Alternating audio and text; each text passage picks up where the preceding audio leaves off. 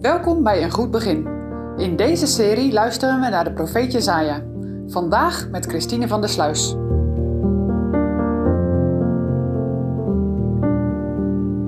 We gaan ons deze week verdiepen in hoofdstuk 10, 11 en 12 van de profeet Jezaja.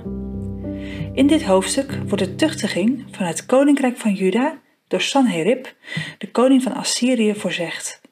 Deze voorzegging werd vervuld in het veertiende jaar van Hiskia.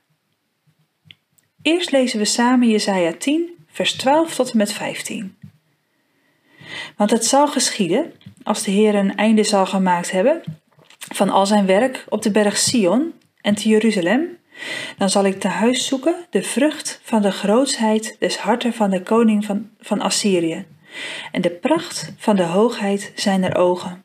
Omdat hij gezegd heeft, door de kracht mijner hand heb ik het gedaan en door mijn wijsheid, want ik ben verstandig. En ik heb de landpalen der volken weggenomen en heb hun voorraad geroofd en heb als een geweldige de inwoners doen nederdalen.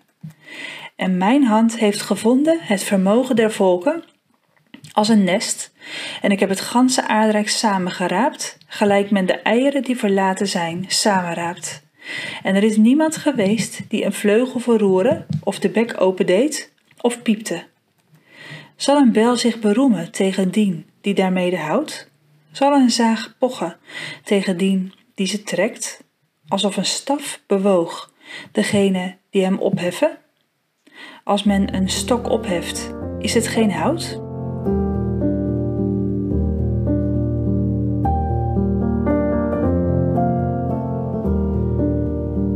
Voordat we de inhoud van dit Bijbelgedeelte wat uitgebreider gaan bekijken, eerst even kort iets over de versen ervoor. In vers 5 lezen we: Wee de Assyriër, die de roede van mijn toorn is, en mijn grimmigheid is een stok in hun hand. De Joden waren een huichelachtig volk geworden. Ze deden beleidenis van hun godsdienst en van hun hervormingen. Aan de buitenkant zag alles er dus heel netjes en godsdienstig uit. Maar ze meenden het niet. En dit was tot toorn van God. Aangrijpend. Eerst waren ze Gods geheiligde en uitverkoren volk.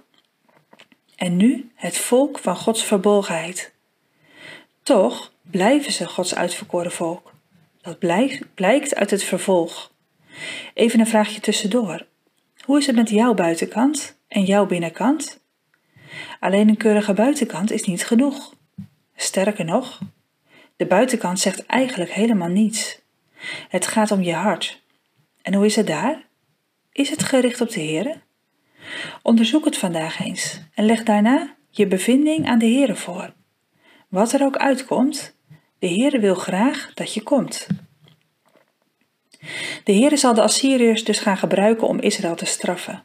Soms maakt God een afgodisch volk tot een geestel voor een volk dat hem niet in oprechtheid en waarheid dient. En dat voorzegt deze profetie ook. De Assyriërs zullen het land plunderen, huizen leeghalen, het vee wegvoeren, het volk ontdoen van hun wilde. En waarom? Om het volk Israël te vernietigen? Nee, de Heere roept ze terug. Hij wil dat ze weer bij Hem komen, dat ze zich bekeren tot Hem. Maar wat je dan leest, is dat de koning van Assyrië hoogmoedig is. Waar God met zijn straffen gericht is op het herstel van Israël, is Sanherib daar helemaal niet op gericht. Hij wil het volk vernietigen en uitroeien. Hij wil als wereldheerser gezien worden. En dan komen we bij de versen 12 tot en met 15. We lezen hier opnieuw over het brutale bluffen van Sanherib. Door de kracht mijner hand heb ik, en door mijn wijsheid, want ik ben verstandig, allemaal ik, ik, ik. Sanherib beseft niet dat hij enkel een instrument in Gods hand is. Dat alle kracht en macht die hij heeft, ontvangen is van God. Hij zegt in vers 14: Ik heb het ganse aardrijk samengeraapt, gelijk men de eieren die verlaten zijn samenraapt. Hij zegt hier eigenlijk dat hij al deze dingen met hetzelfde gemak gedaan heeft als dat hij eieren uit nesten zou halen. Maar in vers 12 spreekt God zelf. Als Assyrië Juda onder Gods toelating gestraft heeft, dan zal God de hoogmoed en de godslastering van koning Sanherib gaan straffen. Want zal een bijl zich beroemen tegen dien die daarmee houdt? Zal een zaag pochen tegen dien die ze trekt? De Heere laat hier zien wat een hoogmoed in dat brutale bluffen van Sanherib ligt. Hij roemt in zichzelf en beseft niet dat hij alleen maar als Gods gereedschap gebruikt wordt. Maar God zal de heerlijkheid, de trots van Assyrië, in vuur en vlam zetten. Dat lezen we in vers 16. Het grote leger zal klein worden en wegteren. Er zal bijna niets van Assyrië overblijven.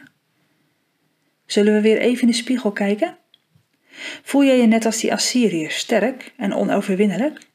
Heb je een sterk lichaam, stevige spieren, een gezonde levenslust? Wat een zegen. En tegelijk, hier lezen we dat je dit echt alleen maar hebt omdat God je dat geeft. Wees hem daaraan ook heel dankbaar voor en verwacht het ook in je gezondheid enkel van hem. We lezen verder. En de overgebleven bomen van zijn woud zullen weinig in getal zijn. Ja, een jongen zou hen opschrijven. Dat betekent, een kind dat nauwelijks kan tellen, kan het overzicht houden. Zo klein zal het worden. In vers 17 noemt God zichzelf het licht Israëls. God zal zijn volk in de nood brengen vanwege hun huichelachtigheid. Niet om hen te verdelgen, maar om hen wakker te schudden en hen tot inkeer te brengen. En daarna zal hij zijn wraak volbrengen naar de invallers die in hun hoogmoed dachten boven Gods plan te staan. En God doet dit als het licht van Israël. Dus zowel in de aanvallen van de vijand als de verlossing van zijn volk is hij hun licht. Word jij ook aangevallen? Zijn er beproevingen in jouw leven? Worstel je met lastige gebeurtenissen? Is er een persoon in jouw leven die je het bloed onder je nagels vandaan haalt? Heb je een doorn in je vlees? De Heere gebruikt soms zoiets moeilijks, zo'n donkere Sanherib, om je naar het licht, de Heer Jezus, te dringen. Ga dan niet terugvechten. Nee, richt je hart op Hem, die zegt in de Bijbel: Ik ben het licht der wereld. Die mij volgt, zal in de duisternis niet wandelen, maar zal het licht des levens hebben.